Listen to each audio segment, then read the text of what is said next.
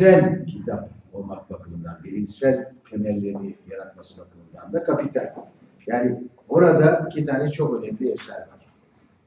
Devrimci Marksistler için bugün geriye doğru baktığımız zaman Lenin'in yapıtları arasında son derece önemlileri var. Yani ulusların kendi kaderini tayin hakları, hakkı üzerinde yazdıkları, emperyalizm kitabı, elbette ne yapmalı, partinin teorisini tamamen e, temellendiren kitap, e, tabii ki sosyalizm ve savaş konusunda yazdıkları vesaire.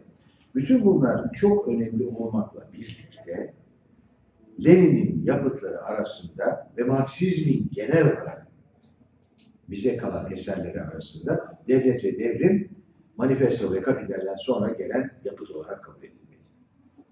Daha sonra Trotsky'in yapıtlarından konuşacağız. Benim kişisel kanaatim yani ihanete uğrayan devrimin Marksizmin 2-3 klasiğinden bir tanesi olduğudur. Başka türlü günümüze nasıl geldiğimizi anlayamayız. Bir bakıma kapital kapitalist toplum için neyse bugüne kadar tabii ki aşılacaktır gelecekte ihanete uğrayan devrim bugüne kadar kapitalizm sonrası toplumların dinamikleri konusunda yazılmış önemli bir kitaptır. Şimdi ne oldu dolayısıyla? Kapital ve manifesto, devlet ve devrim, ihanete uğrayan devrim. Dolayısıyla bugün son derece önemli. Neden öyle? Çok önemli bir nedenden öyle. Birazdan ayrıntılarına gireceğiz bu işin ama önce şunu söyleyeyim. Devlet teorisi ve devlet konusundaki tespiti Marksizmin bir bakıma turnusol kağıdıdır. Yani sınıflar meselesi, sınıf mücadelesi, toplumun ekonomik gelişmesi, şunlar bunlar bunların hepsi çok önemli. Ama devlet konusunda berraklığa kavuşmadan hiçbir şekilde devrimci politika yapılamaz. Kapitalizmin yerine başka bir toplum konamaz. Bu bakımdan yani şaşırtıcı bir şekilde belki sınıftan bile daha önemli bir konuyla karşı karşıyayız. Elbette birazdan göreceğiz sınıflarla doğrudan ilişkisi var devletin e, Marksist bakış açısına göre ama e, sınıflar mücadelesinden bahsetmek yeterli Yani onu söylemeye çalışıyorum. Şimdi arkadaşlar başlamadan önce kendi kendimize bazı sorular soralım. Mesela şu soruyu sorabiliriz. Diyorlar ki bugünlerde ya aslında şu krem tazminatını fona alalım. Bir fondan dağıtılsın krem tazminatı bütün işlere. Çünkü Türkiye'de işte diyelim e, milyonlarca işçinin 11 milyonun deniyor ki o işçilerin yaklaşık 10 milyonu mesela 11,5 milyonun krem tazminatını alamıyor zaten. Şimdi durum ne? Devlet bir hak tanımış işçiye. O hak alınamıyor. Devlet de karşımıza geçmiş bu haklarını alamıyorlar bunlar diyor. Kanunen devlet garanti etmiş o insanlara. 10 milyon insana kıdem tazminatını alacaksın işten ayrılırken diye ama vermiyor kimse. Devlet de orada olmuyor. Aynı devlet işçi sendikalaşıp fabrikadan sendikalaştığı için atıldığı zaman polisini o işin üzerine sürüyor. Niye? Neden yani kapitalist o işlerin kıdem tazminatını vermeyen kapitalistler. Küçüğüyle büyüğüyle. Hepsi kapitalist. Kapitalist kanunen kendi yapması gereken şeyi yapmadığı zaman devlet hiç oralı değil. Bize de söylüyor hiç oralı bir şey yapmıyorum diyor. Olamıyorlar diyor. Ama işçi bir hakkını savunduğu zaman yasaya göre, anayasaya göre yani sendikalaşmak saldırıyoruz. Niye? Yahut başka bir soru sorabiliriz. 33 yıldır mesela. Daha geriye de gidebilirsiniz ama 33 yıldır. 12 Eylül 1980'den bu yana. O kadar çok değişik hükümetler geldi. Faşistinden İslamcısına, e, merkez sağından sözde sosyal demokratına, hepsinin koalisyonlarına, daha evvel askeri rejim vesaire. Asgari ücret hep iki senede bir işte oturuyorlar, konuşuyorlar. Ondan sonra hep çok düşük çıkıyor. Niye? Devlet bir asgari ücret koymuş. Ama kimsenin yaşayamayacağı bir düzeyde bir asgari ücret. Yani sefalet düzeyinde asgari ücret. Daha ötesi var tabii. Milyonlarca işçi, herkes biliyor, merdiven altlarında çalışıyor. Sigorta hakları, Asgari ücret mutlaka almaları gerekiyor. Herkes biliyor ki bunlar olmuyor. Yani kanunen hakları. Devlet hiç oralı değil. Niye?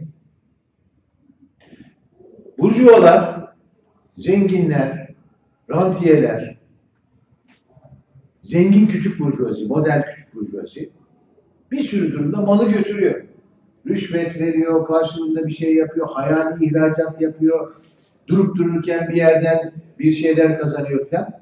Bir sürü yolsuzluk çıkıyor ortaya. Hatta hayır mesela kurumları adı altında para topluyor. Sonra o yakalanıyor. Ama hiçbirisi yatmıyor hapiste.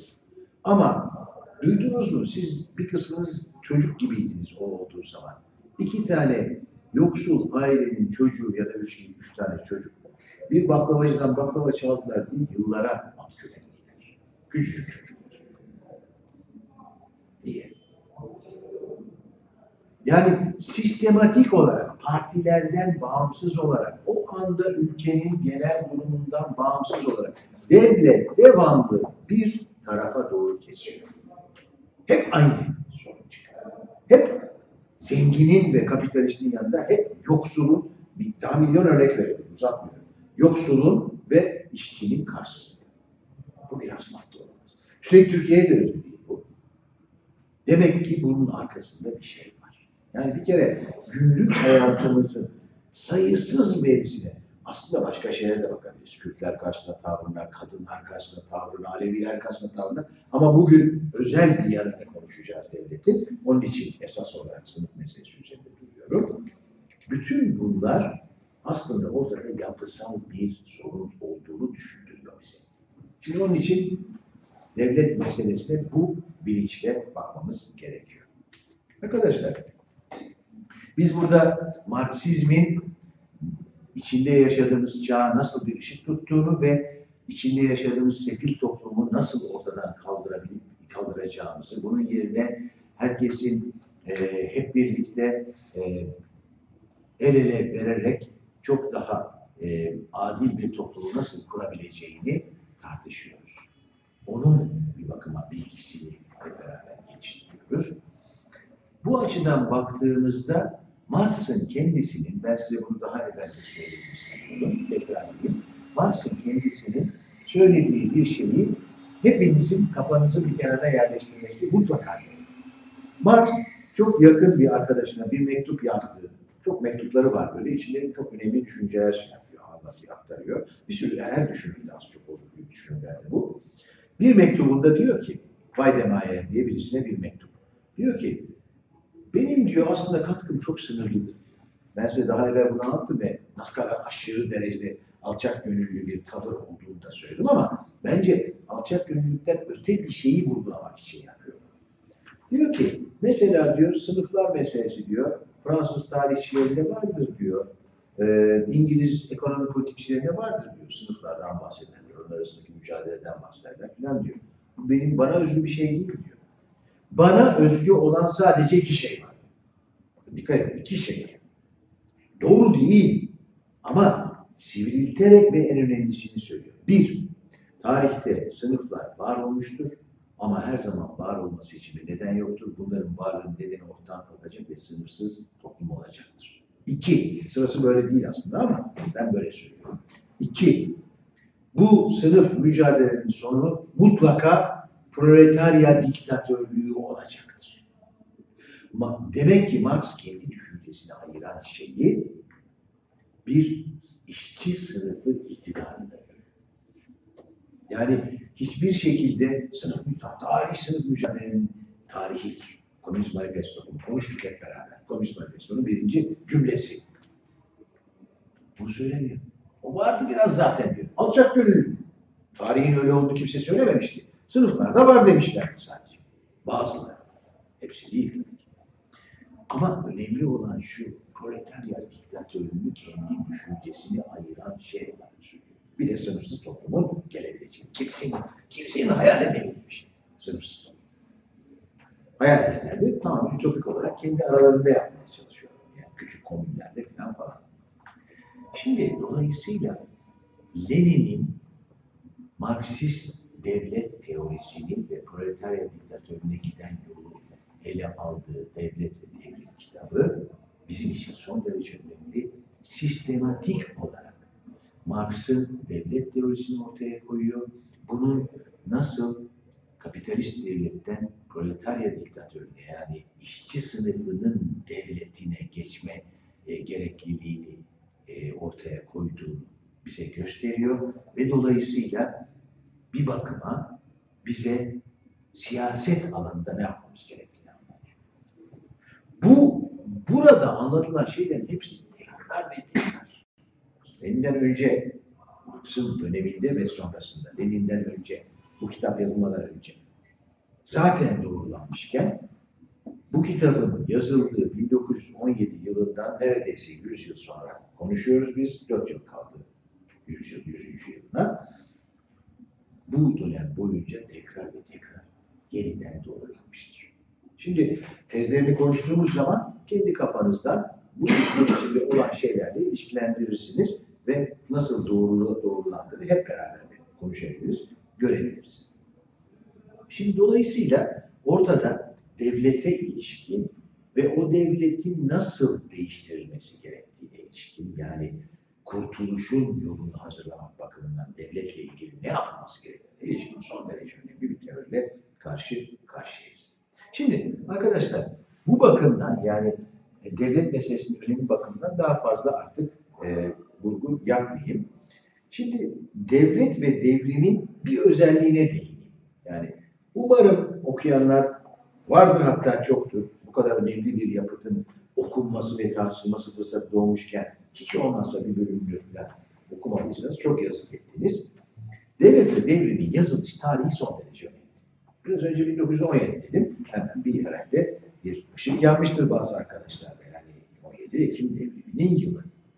Peki 17'nin ocağında mesela Şubat'ta başlıyor biliyorsunuz devrimci süreç. Muazzam bir ayaklanma oluyor. Oradan Ekim'e kadar devam ediyor. Eski takvimiyle Rusya'nın, bizim takvimde Mart'tan Kasım'a kadar. Şimdi acaba Ocak'ta mı yazdı? Hayır. Acaba Nisan'da Mayıs'ta mı devrim daha yavaş giderken mi yazdı? Hayır. Ağustos Eylül aylarında yani Ekim ayından bir ay önce biten bir kitap. Devrimin ateşi içinde Lenin oturuyor en önemli teorik yapıtlarından birisini kaleme alıyor. Şimdi adam devrim için bütün hayatını vermiş, beynini vermiş birisi. Ne yapıyor? Bir tuhaf. Değil. Çünkü bu mesele o kadar hassas mesele ki Lenin'in bir bakıma daha sonraki kuşaklara kalan eseri devrim kadar bir de bu bir bakıma. Çünkü dünyanın çeşitli ülkelerinde ama en başta Avrupa'da çeşitli ülkelerde Almanya'sında, Fransa'sında, İngiltere'sinde ve diğerlerinde ülkelerde işçi hareketinin içinde sosyalist adı altında üstelik bugünün sosyal demokratları gibi son derece düzene angaje olmuş bir koskoca akım gelişmiş. Onlarla mücadele ediyor. Neden? Ya tam Rus devrimi, bu arada Lenin e, yani bilenler biliyorlardır. Bu kitabı yazarken Finlandiya'da saklanmadan yani fırsat öyle de oluyor. Yoksa yazamaz. Burjuva hükümeti, geçici hükümet Lenin'i e, arıyor, hapse atıp şey yapacak, etkisizleştirmek istiyor. Lenin de onun üzerine yer altına. Finlandiya Rusya'nın parçası o dönemde. Dolayısıyla Finlandiya'da ama Rusya'nın çarkının içinde tabii yani o anlamda. Finlandiya şimdi bağımsız bir ülke ama o zaman değil.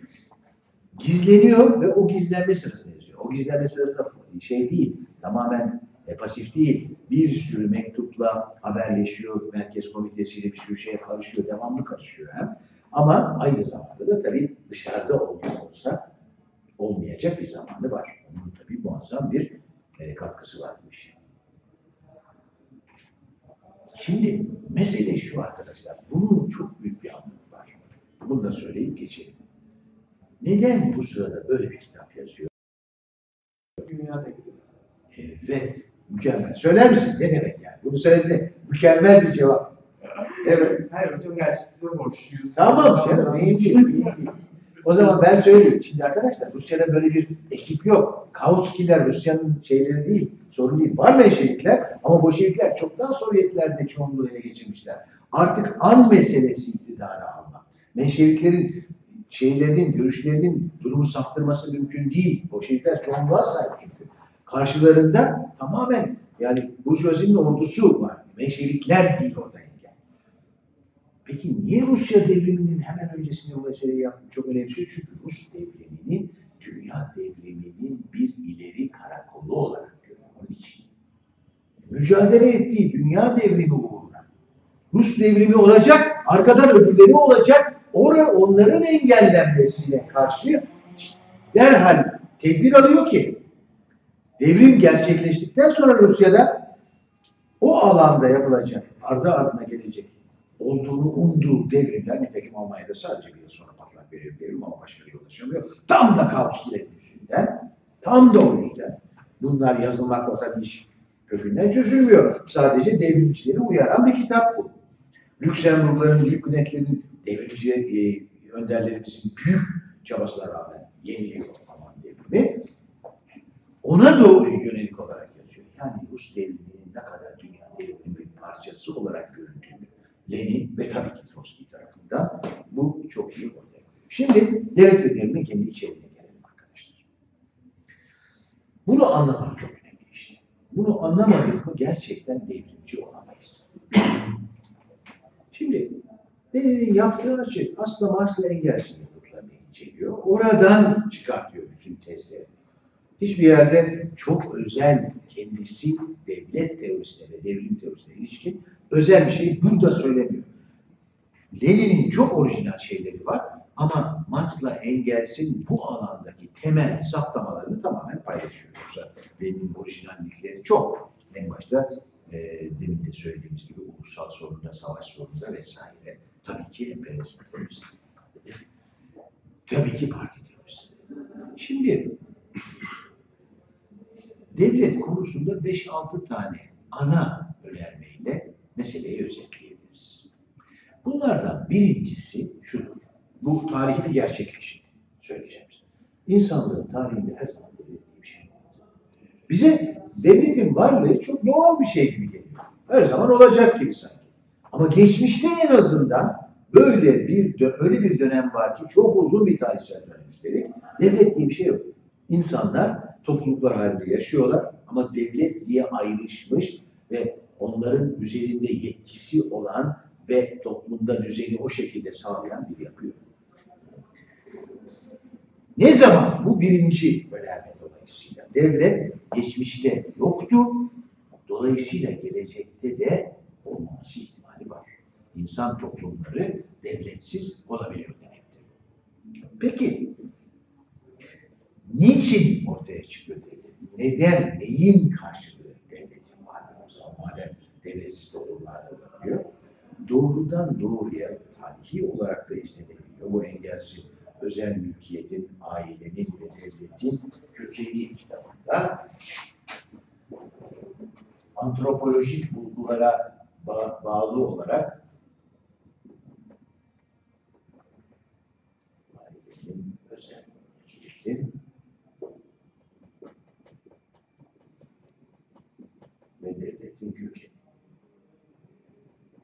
Antropoloji biliminin çeşitli bulguları temelinde özellikle Morgan diye bir Amerikalı antropologun e, çok önemli e, Kızılderili toplumlarını, Amerikan yerlisi toplumlarını incelemesi, inceleş, incele, e, onların incelenmesi üzerine e, elde ettiği bulgulardan hareketle yazdığı, e, çalı, yaptığı çalışmalar temelinde e, bu tarihsel sürecin gelişmesini ortaya koymuş Morgan. Engels de ondan yararlanıyor ve bunu Marksizm açısından teorize ediyor.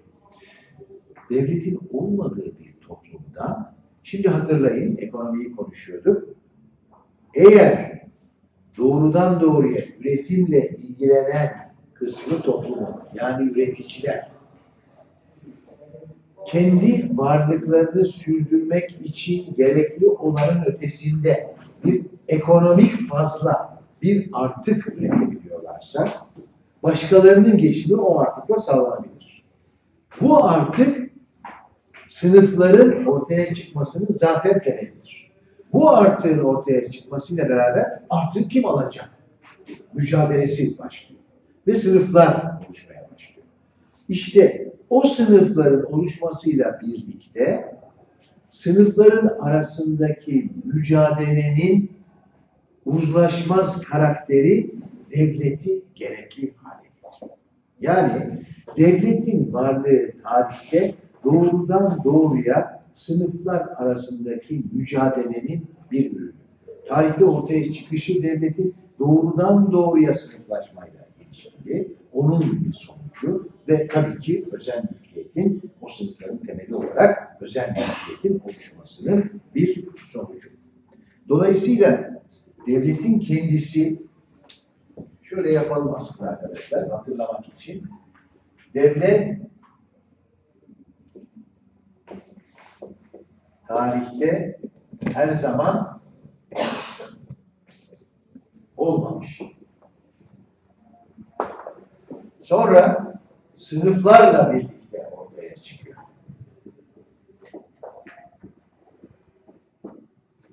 Fakat şöyle bir şey oluyor tabii. Devlet şu anlamda, şimdi sınıflar, yani diyelim mesela bir feodal bey serfini çalıştırıyor toprağında ve onun ürünü kendisi alıyor. Serf ayaklanırsa ne olacak? Demek ki hakim sınıfların sömürülen sınıfları kontrol altında tutması gerekiyor. Devlet bir uzman yapı olarak toplumun içinden ayrışıyor, yavaş yavaş toplumun üzerine çıkıyor ve sanki toplumun tamamının çıkarlarını yerine getirirmiş gibi toplumun herkes açısından gerekli olan düzenini sağlarmış görünümü altında bir sınıfın öbür sınıf karşısındaki hakimiyetini savunuyor. Dolayısıyla var olan devlet sınıfların sonucu ama aynı zamanda sınıf hakimiyet aracı. Yani tarafsız bir hakem filan değil, bir sınıf hakimiyet aracı. O yüzdendir ki size deminden bir soru demin başlangıçta hepiniz cevabını biliyorsunuz, hiçbiriniz vermediniz elbette. Hep aynı yönde kesen, hep burjuvaların ve zenginlerin çıkarlarına son tahlilde hizmet eden bir yapı ile karşı karşıyayız. Çünkü doğrudan doğruya hakim sınıfların sömürülen sınıflar üzerindeki tahakkümünü sürdürmek üzere oluşturulmuş bir yapıdan bahsediyoruz. Bütün yapısı bunu sürdürmek üzere.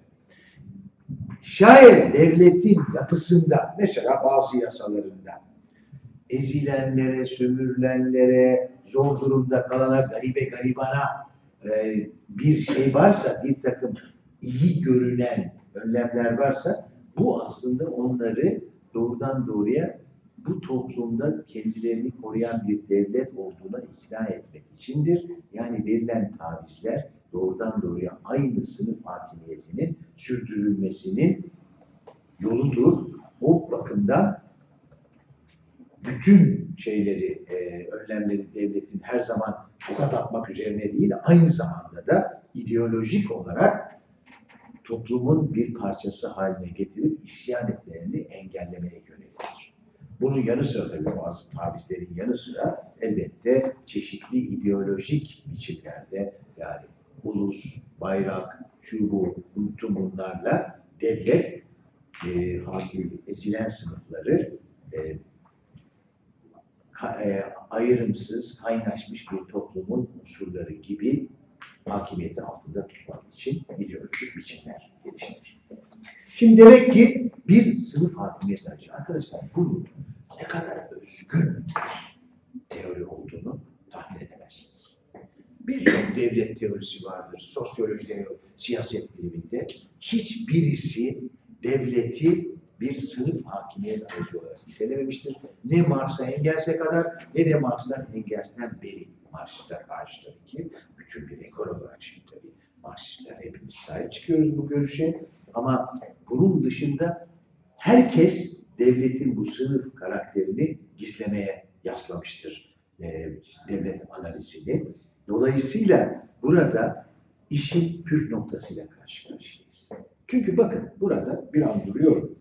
Üçüncü önermeyi söyledikten sonra şöyle bir durum var. Şimdi bir kapitalist ekonomide genellikle işçiler zor durumda kaldıkları için ve özel mülkiyete sahip olan sermaye ve piyasadan bir şey elde edemedikleri için birçok sorunlarını devlet müdahalesi aracılığıyla çözmeye çalışıyor. Örnek vereyim. Eğer sağlık sorunu olduysa ve işçinin cebinde özel hastaneye gidecek parası yoksa nereden bekler? Tabii ki kamu hastanesinden bekleyebilir. Bugünkü Türkiye durumunun karmaşıklıklarını düşünmeyin çünkü o bir geçiş dönemi. Veya insanlar uzun yıllar çalıştıktan sonra yaşlılıklarında bir ölçüde bir güvenceye kavuşmak için ne beklerler? Emeklilik beklerler. E, emekliliği satın alabilecek şu şimdi bireysel emeklilik sigortası e, sistemi diye bir si- sistem var ama onun ciddi bir para yatırmak lazım. Öyle parası yoksa asgari ücretle yaşıyorsa bütün hayatı boyunca nereden bekleyecek bunu? Devletten. Yani tekrarlamaya gerek yok. Birçok alanda işçi sınıfının, emekçilerin, yoksulların sorunlarını kapitalist toplumda da devlet çözüyor gibi görünür. En zor durumdan bir ölçüde yaşanabilir bir hayata doğru adım atmak açısından devletin bir sürü desteği olur. Bu zaman üzerinde devletin demin söylediğim gibi ezilen sınıfları soğurmak, mahsetmek, sistemin parçası haline getirmek üzere geliştirdiği bir takım yöntemler bunlar. Şimdi dolayısıyla ortada bir çelişki var. Devlet bir yandan gün be gün yaşamda bir ölçüde rahatlatıcı şeyler yapıyor insanlar için. İşçiler için, yoksullar için. Ama öte yandan da bir sınıf hakimiyet aracı. Burada işin püf noktası geliyor işte. Devletin bu tür bir bakıma e, tamamen sorunların üstünü kapatmaya yönelik e, geçici çözümler sunması dolayısıyla ona kanan herhangi bir mücadele sınıf hakimiyetini ortadan kaldıramaz. Devletin sınıf karakterini saptamak, devletin işçi sınıfının karşısında yer aldığını ve kapitalistlerin yanında yer aldığını saptamak ve sınıf mücadelesini buna göre sürdürmek tamamen burada turnusol kağıdı anlamı- anlamını taşıyor. Eğer bunu kavrayamazsak hiçbir şekilde Marksist politika izleyemeyiz. Sınıf hakimiyeti karakteri devletin belirleyici noktasıdır Marksistlerle. Bütün iyi niyetli, bütün başka e, düzen eleştiricilerini birbirinden ayırıyor. Düzene karşı bir sürü huzursuzluk duyan insan olabilir. Ben böyle şeyi söylemiyorum. CHP'nin doruğunda oturan ve düzenin aslında sol görünümlü savunucularını söylemiyorum.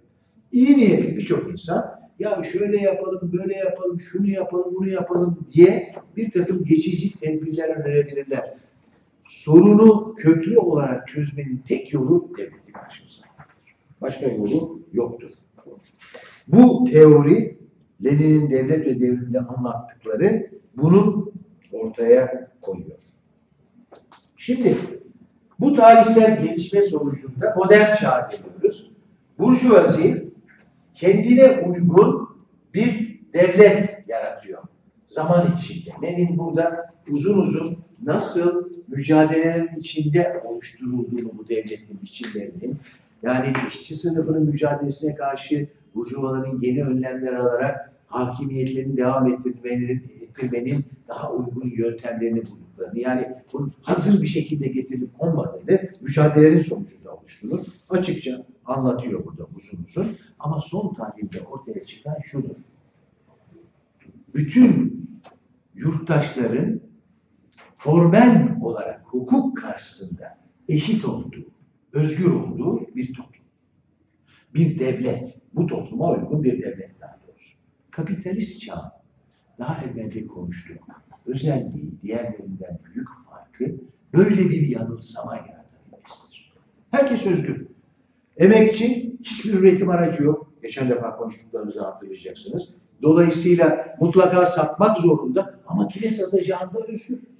Güya. Tabii son derece zor durumda olduğu için çoğu zaman hiçbir seçiş yapmadan doğrudan doğruya bulabildiği işe girer. Gerçek proleterler için söylüyorum en azından.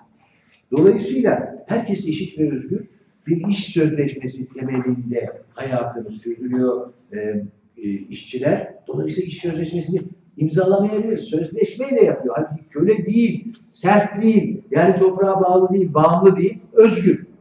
Devlet de buna göre bir yapıya sahip. Diyor ki en yani mesela bizimki kadar sınırlı demokrasilerde bile öyle düşünün. E Başka diktatörlüklerde falan da aslında burjuvalarla işçiler hep eşittir. Diyor ki görünüşte yani hukuk karşısında diyor ki hepiniz eşitsiniz.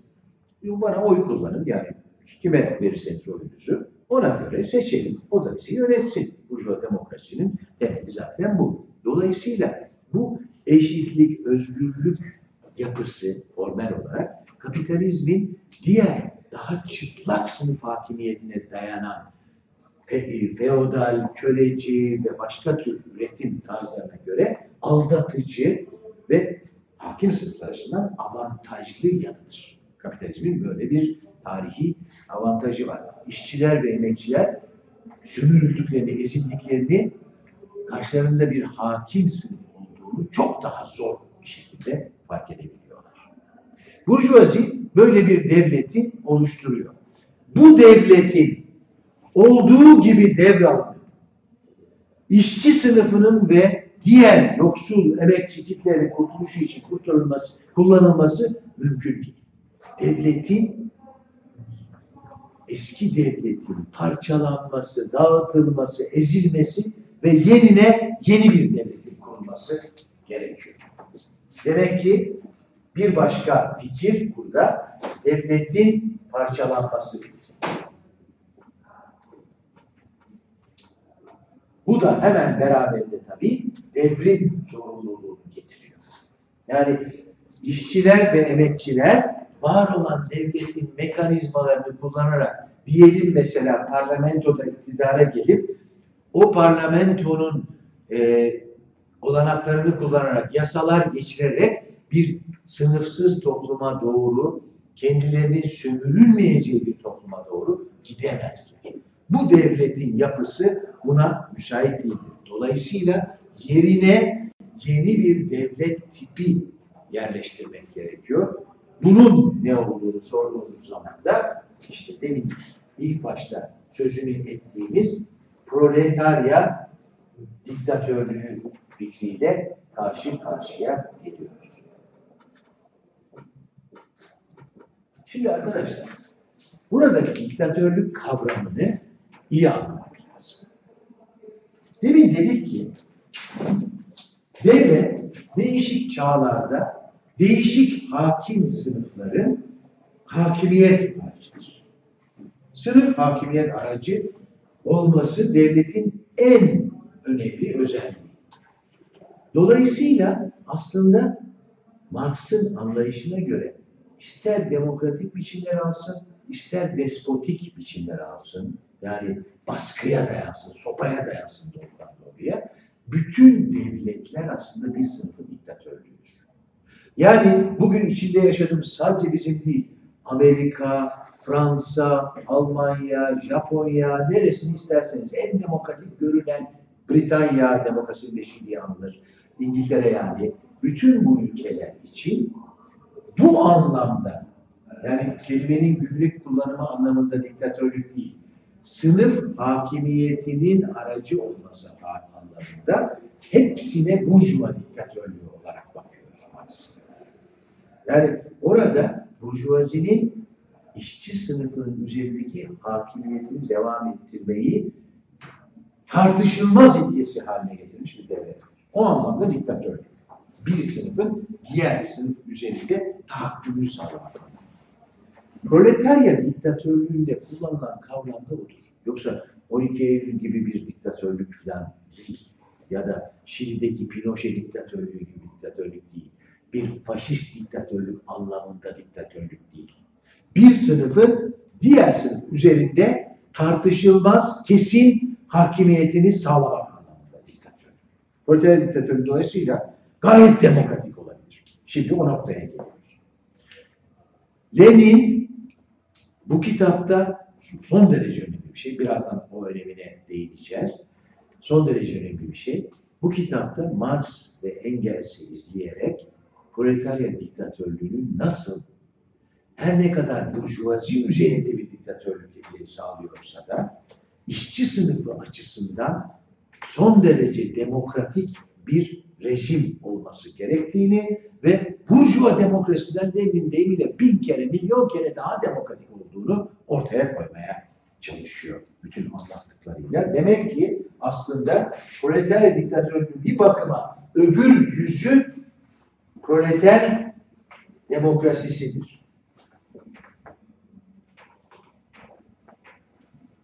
Tabii bu en iyi biçimidir. Başka biçimler alabiliyor. Tarih bize onu gösterdi diktatörlüğü. Daha az demokratik biçimler alıyor ama giderek yozlaşıyor. Onu daha ileride konuşacağız. Ama Marksist programa göre, Lenin'in ifade Marx'tan hareketle ortaya koyduğu programatik yaklaşıma göre proletarya diktatörlüğü işçi sınıfı için demokrasi, burjuvazi için bir diktatörlüktür. Yani ikili bir, iki tane yüzü var. Aynı şeyin iki yüzü. Birisi için bir tahakküm aracı, işçinin burjuva üzerindeki tahakküm aracı ama öbürleri için bir demokrasi. Şimdi neden işçinin bir tahakküm aracı olması gerekiyor burjuvazinin üzerinde? Şunlar arkadaşlar, devrim sadece tek bir ülkede olduğu zaman değil, değil ki bütün Avrupa'da devrim oldu. Mesela Ekim devriminin arkasından değil, önce Almanya'da devrim zafere ulaştı. Oradan Fransa'ya sıçradı, İspanya'ya sıçradı, şuraya sıçradı, buraya sıçradı ve muazzam bir uluslararası devrim oldu. Hala burjuvazi geri gelmek üzere bir sürü e, plan yapacaktır. Amerika'nın ordusu e, belki yardım edecektir ya da parasıyla Avrupa'nın beyaz ordularına yani burjuva ordularına yardım edecektir. Burjuvazi iktidarını yeniden ele almak üzere dişiyle tırnağıyla mücadele edecektir. Buna engel olmak için bir proletarya diktatörlüğü gerekiyor. Bu Marksizmin çok önemli bir tezi. Neden? Çünkü ondan önce 19. yüzyıl boyunca Marksizmin şeyi olan, rakibi olan devrimci hareket anarşizmdir. Ve anarşizm devlet karşıtı bir akım olarak ilk andan itibaren devrim başarıya ulaştığı andan itibaren devleti ortadan kaldırmayı savunur. Marksizmin anarşizme sorduğu soru şudur. Peki burjuvazi yeniden iktidarı ele geçirmeye çalıştığı zaman ne yapacaksın? Buna bir cevap yok. Buna hiçbir cevap yok. Marksizmi ayıran dolayısıyla işçi sınıfının müttefikleriyle beraber burjuvazinin hakimiyetini devirdiği noktadan itibaren bir savunma örgütü olarak mutlaka bir devlete sahip olması gereklidir. Ta ki bu devletin düzenlemesiyle planlı ve kamu mülkiyetine dayanan bir ekonomi aracılığıyla adım adım sınıfsız bir topluma kadar. Demek ki bundan sonraki aşama buradan sonra bir proleter demokrasi temelinde sınıfsız topluma doğru yürüyüş var. Sınıfsız topluma ulaşıldığı zaman devlet kelimeyi yazalım sonra izah edeyim. Sönümlenecek beklenti budur. Ne demek bu? Bu şu demek arkadaşlar. Devletin. Şimdi devlet neydi? Yukarıdan beri biliyoruz. Bir sınıf hakimiyet aracı. Sınıfların varlığı, onların arasındaki çelişkinin uzlaşmazlığı sonucunda ortaya çıkıyor.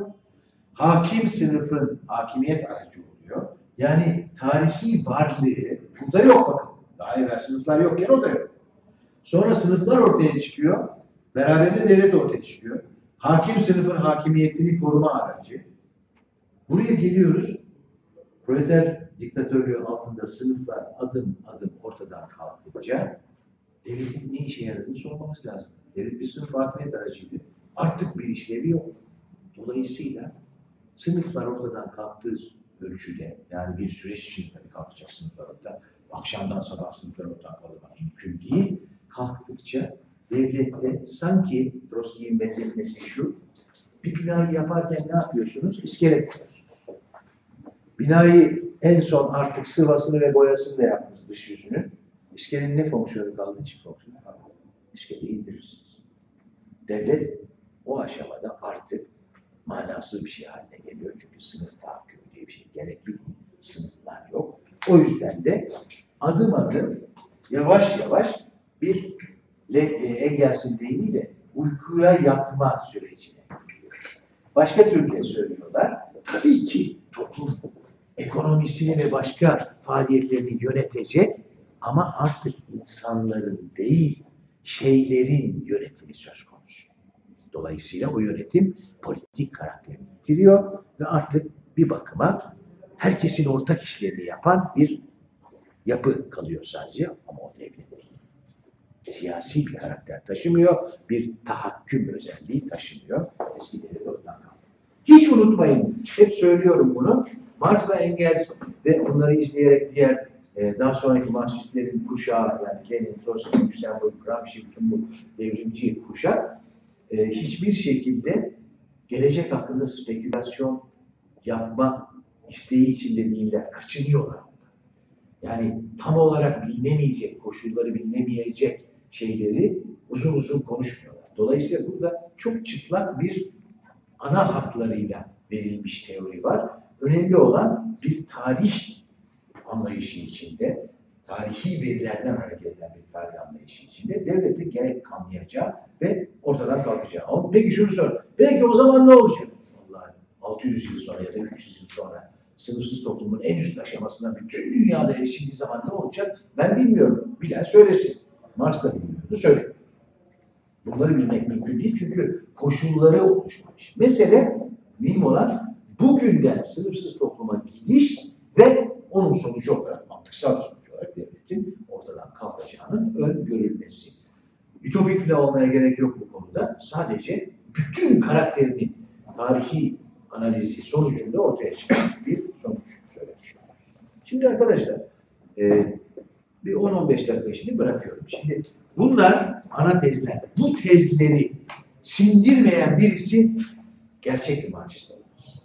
Yani pratik olarak bir mücadele veriyor olabilir vesaire ama eğer bir Marksist militan ve kadro olmak istiyorsa insan bu tezleri mutlaka kavramalı. Bunlar arasında kafamızda soru işaretleri varsa ve oluşursa mutlaka konuşmalıyız. Bunların bakın o kadar önemli. Mesela devletin parçalanması. Mesela ne kadar doğrulandı değil diye konuşuyor ve konuş, konuşabiliriz dedi. Devletin parçalanması. Bunun manası nedir? Söyledim dedi. Kapitalist toplumun devletini alıp proletaryanın ve onun yanındaki diğer ezilenlerin kurtulması, kurtuluşu için kullanamazsınız anlamına geliyor. Proletaryanın kendine özgü ve kendi çıkarları doğrultusunda yeni bir devlet tipi yaratması gerekiyor. Dediğim gibi bu da proleter demokrasisine dayanan bir diktatörlük. Şimdi bütün 20. yüzyıl boyunca parlamenter düzen içinde yapılan işçi sınıfı adına yapılan mücadeleler iki yöne gitmiştir. Bir, bu mücadeleleri verenler devrim fikrini bırakıp da biz bu işi reformla yapacağız dedikleri zaman bir süre sonra kapitalizmin yöneticileri haline dönüşmüşlerdir. Bütün sosyal demokrasinin tarihi budur.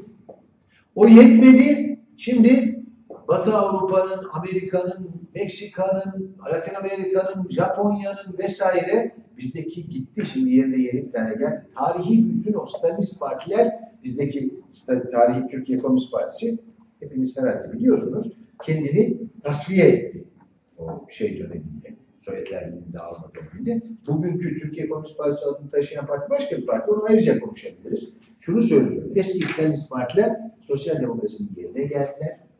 Onlar da zaman içinde artık düzen partisi haline geldiler. Hem de bu sefer 10-15 yıl içinde. Öbürü daha uzun bir süre içinde düzen partisi haline geldi. Bunlar kısacık bir süre içinde geldi.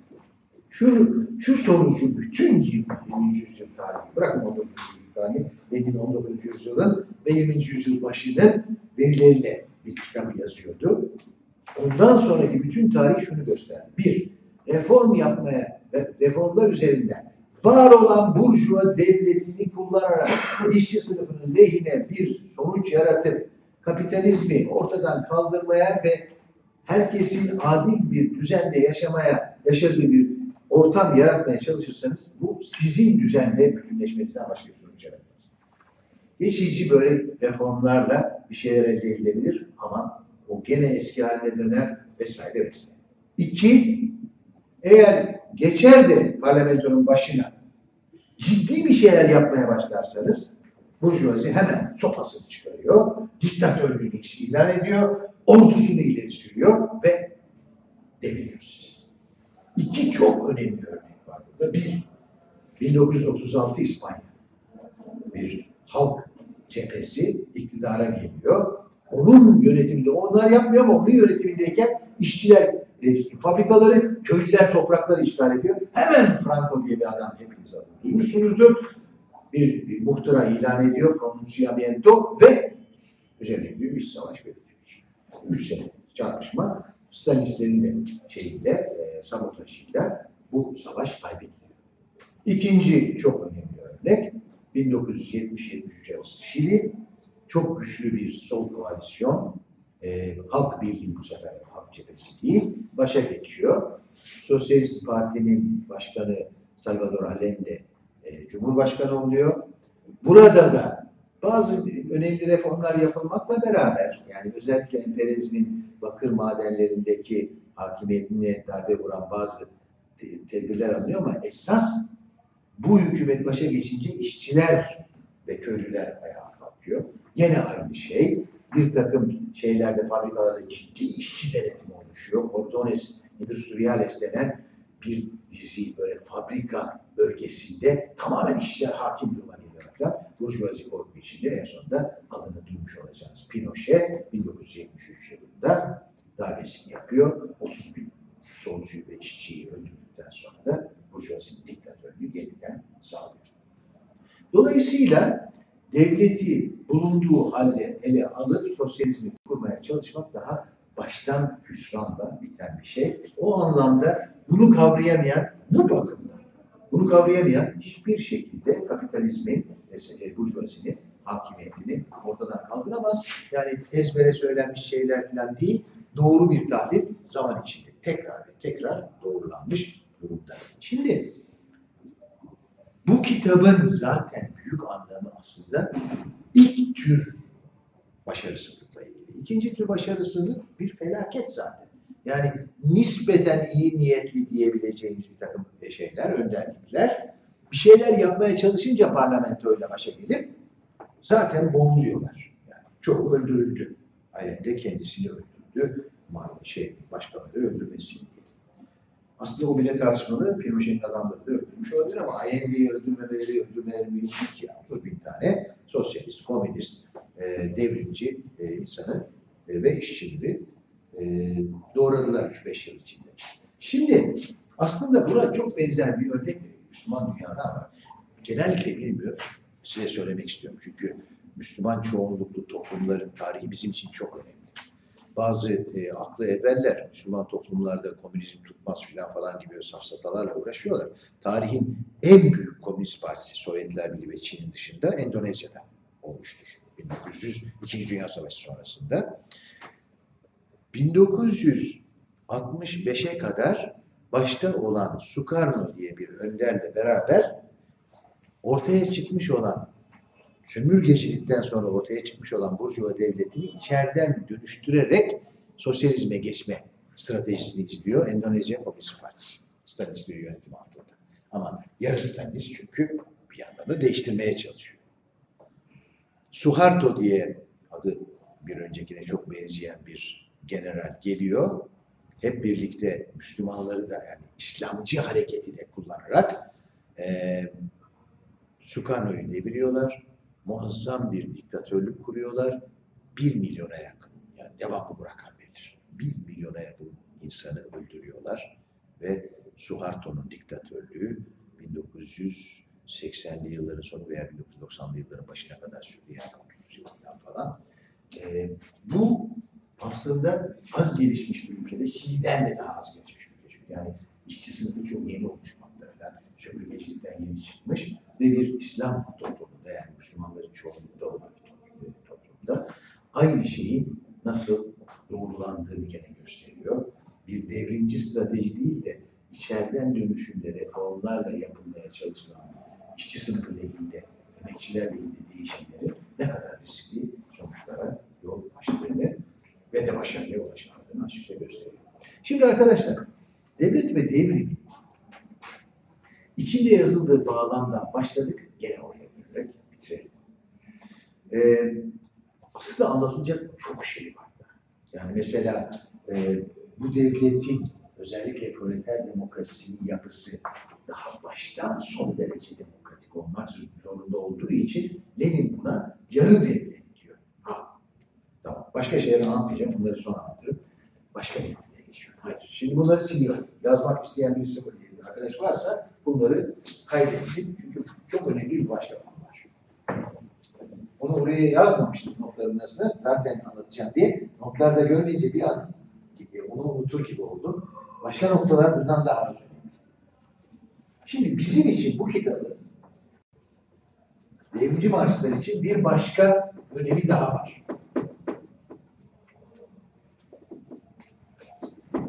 Kitabı, şimdi kitabı okumayanları e, kınıyorum, eleştiriyorum ve okumak için bir tavsiye yapıyorum. Birinci ve beşinci bölümlerini mutlaka okumalısınız. 2, 3, 4 şimdilik acil olmayabilir. Ama birinci bölüm neden devletin bir sınıf hakimiyet aracı olduğunu, tarihte ki bütün kanıtlarla birlikte anlatıyor. Beşinci bölümde şimdi anlatacağım şeyi. Kapitalizmden çıkışta yani devrimle kapitalizm devrildikten sonra ve yeni bir devlet kurulduktan sonra tarihi evrim nasıl olacak?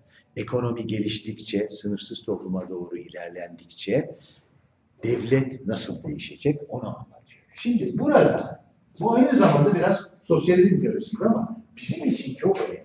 Anlatacağım diye bunu. Çünkü Stalinistlerin tam bir çarpıtması vardır bu konuda. Bunu her devrimci Marksistin mutlaka çok erken bir aşamadan bilmesi ve bundan emin olması gerekiyor. Emin olmak için de tek yapılacak şey var. Şimdi anlatacağım doğru olduğunu. Gidip Derede Devrim 5. bölümüne bakmak.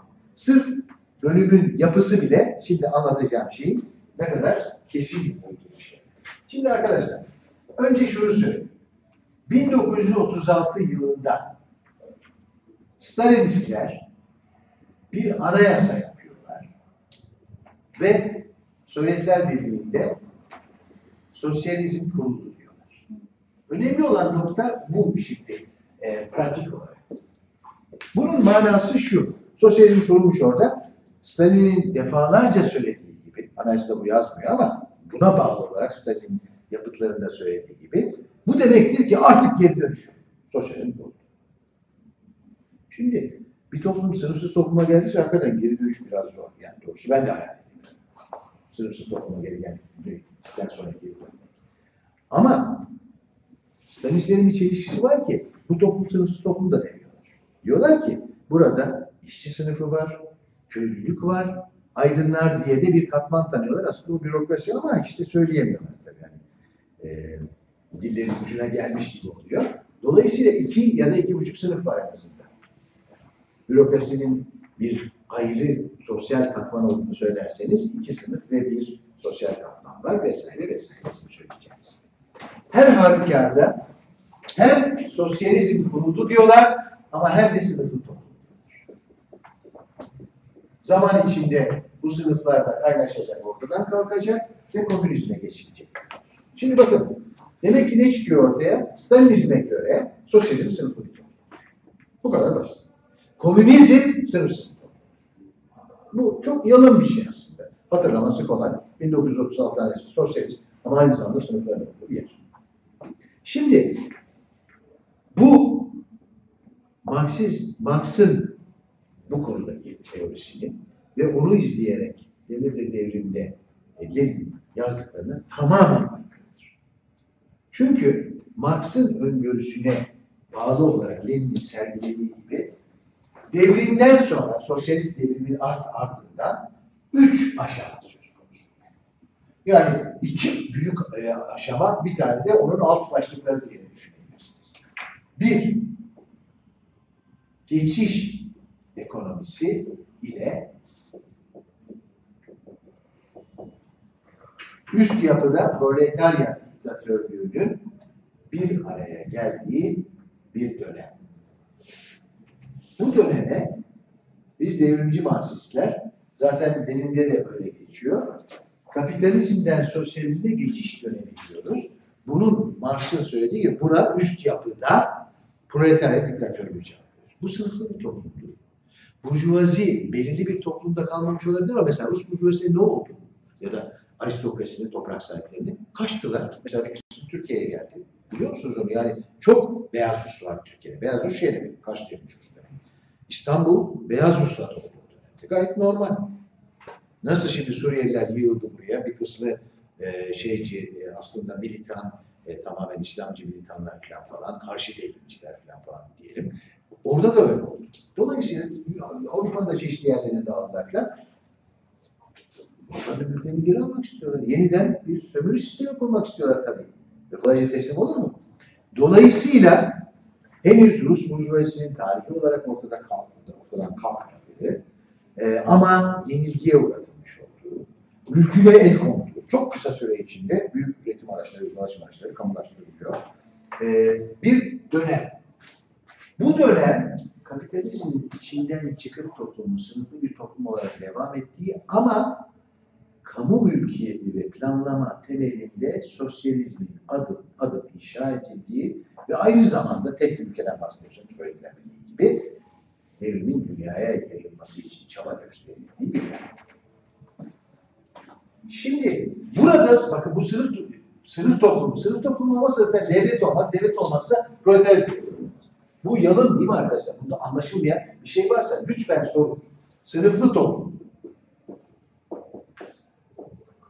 İki, sınıfsız toplum. İsterseniz böyle yazalım. Sınıfsız topluma geçiş sosyalizm ilk aşama. İkisi aynı anlama geliyor. Sınıfsız toplumun komünizmin ilk aşaması sosyalizm. Marx'la Engels 19. yüzyılda sosyalizm ve komünizm kelimeleri zaten aynı anlama geliyor. 19. yüzyıl terminolojisinde öyle. 20. yüzyılda daha ziyade onların ilk aşama dediğine Lenin'den bu yana biz sosyalizm diyoruz. Onların ikinci aşama dediği buraya yazacağız. Sınıfsız toplumun ikinci aşamasına devam ediyoruz gene sınıfsız toplum. Ama bu sefer ikinci aşama komünizm. İkinci aşama komünizm.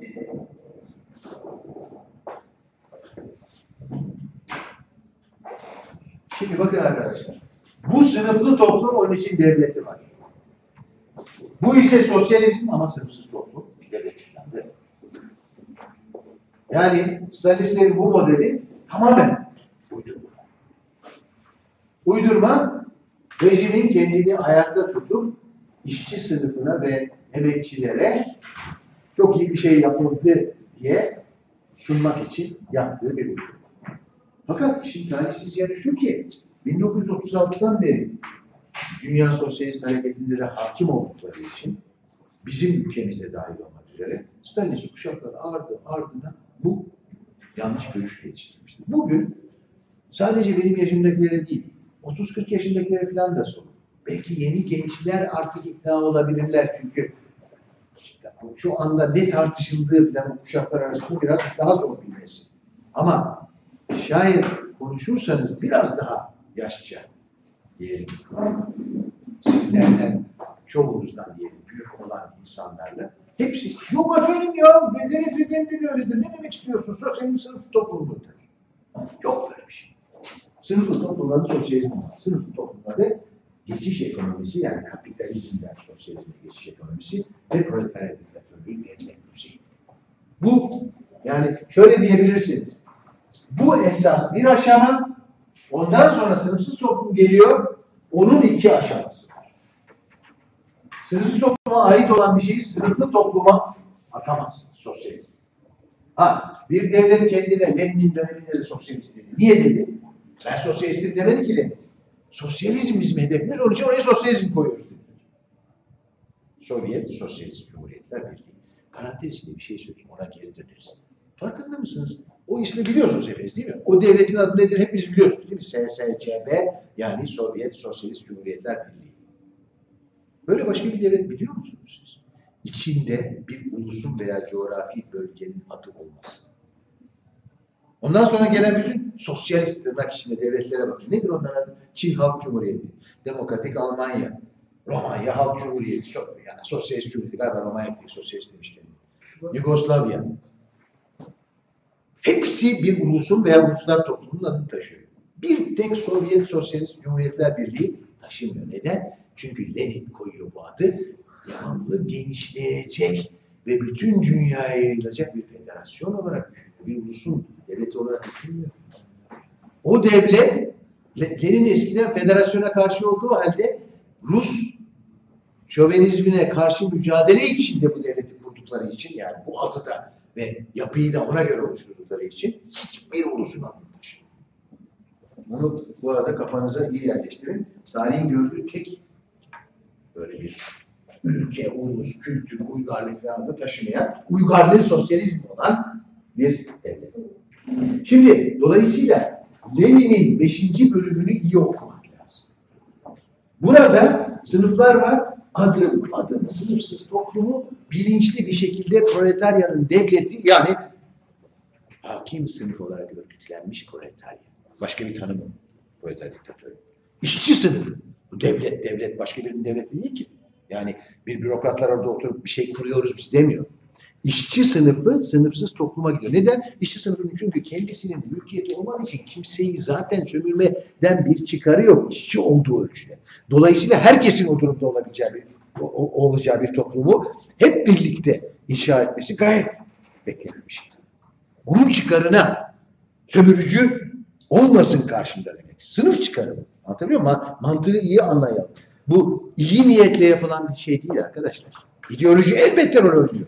Elbette başlangıçta geçen hafta söylediğimiz gibi, ya da evvelsi hafta ben konuşuyorum yani benimle yaparken siz konuştuğumuz gibi e, başlangıçta insanlara bir takım teşvikler veriliyor daha çok çalışsın diye. Çünkü herkes birbirine bırakabilir. Fabrikada da böyle eğilimler vardır. Her iş yerinde vardır. Ben çalışmayayım o çalışsın. Dolayısıyla onların hepsi yapılıyor. O, o yüzdendir ki mesela Çe de o gün söyledim çok önemli bir şey. Yeni insan yaratalım diyor. Yani sınıfsız topluma giderken sen olsun her şey bitsin planlama bizim için yapar işi ondan sonra biz de sınıfsız toplumda güzel yatarız değil. Elbette. Büyük bir mücadele var ortada. Ama sınıfın toplu çıkarı o yönde olduğu için sonunda kazanması ihtimali çok yüksek. Sorunlar olabilir. Daha sınıfsız toplumdan çıkmamışsınız. Sınıflı toplumdan pardon. Ve ne kadar yayıldığı belli değil dünyaya falan bir sürü karmaşıklık var. Dünyaya yayılmazsa çünkü son derece ciddi olur. Onları ileride konuşacağız. Yani yalıtılabilir ve ezilebilir. E, bu olabilir. O yüzden bu çarpıtmayı çok iyi anlamanız lazım. Hiçbir taviz veremezsiniz. Marx'ın Gotha programının eleştirisi yazıyorum. Bunu aklınızın bir yerine yazın. Marx'ın Gotha programının eleştirisi adıyla bilinen kitap filan değil bu. Yani bir metin yazmış. Almanya'da ilk sosyal demokrat birleşme hareketi olduğunda ortaya çıkan programı eleştirmiş. Orada yazan şeylerden hareketle Lenin de devlet ödevinde bunu ortaya koyuyor. Bu son derece. Çünkü 20. yüzyılda ne olduğu yeryüzünde teşhis etmek burada. Doktrin meselesi yok. Teori meselesi tartışmıyoruz. Sosyalizm oldu mu olmadı mı? Olmadı. Yıkılan sosyalizm değildir. Yıkılan sosyalizme geçiş toplumlarıdır. Son derece önemli bir şey. Ve yozlaşmıştır. Onları konuşacağız şimdi. O ayrıntıya giremem. Lenin'de daha bu yok bu kavram. Onun için Trotsky'den geliyor. O yüzden bunları konuşabilmek için bile burada bir sosyalist toplum olmadığını, bunun bir geçiş toplumu olduğunu sağlamak lazım. Onun için de 5. bölüm son derece önemlidir. Sanki önceden görmüşler gibi. Başka şeyler de göreceksiniz. Yani Stalinist yozlaşmaya önceden tedbir almış gibi oldukları başka şeyler de var. Ama burada çok berrak bir şekilde Marx ve Gottha'da bunu ortaya koymuşlar. Bununla şimdilik üzerim biraz dinlenin, da konuşuruz. Hocam, belki e, meraklı e, bir anlamda olmaması yanından da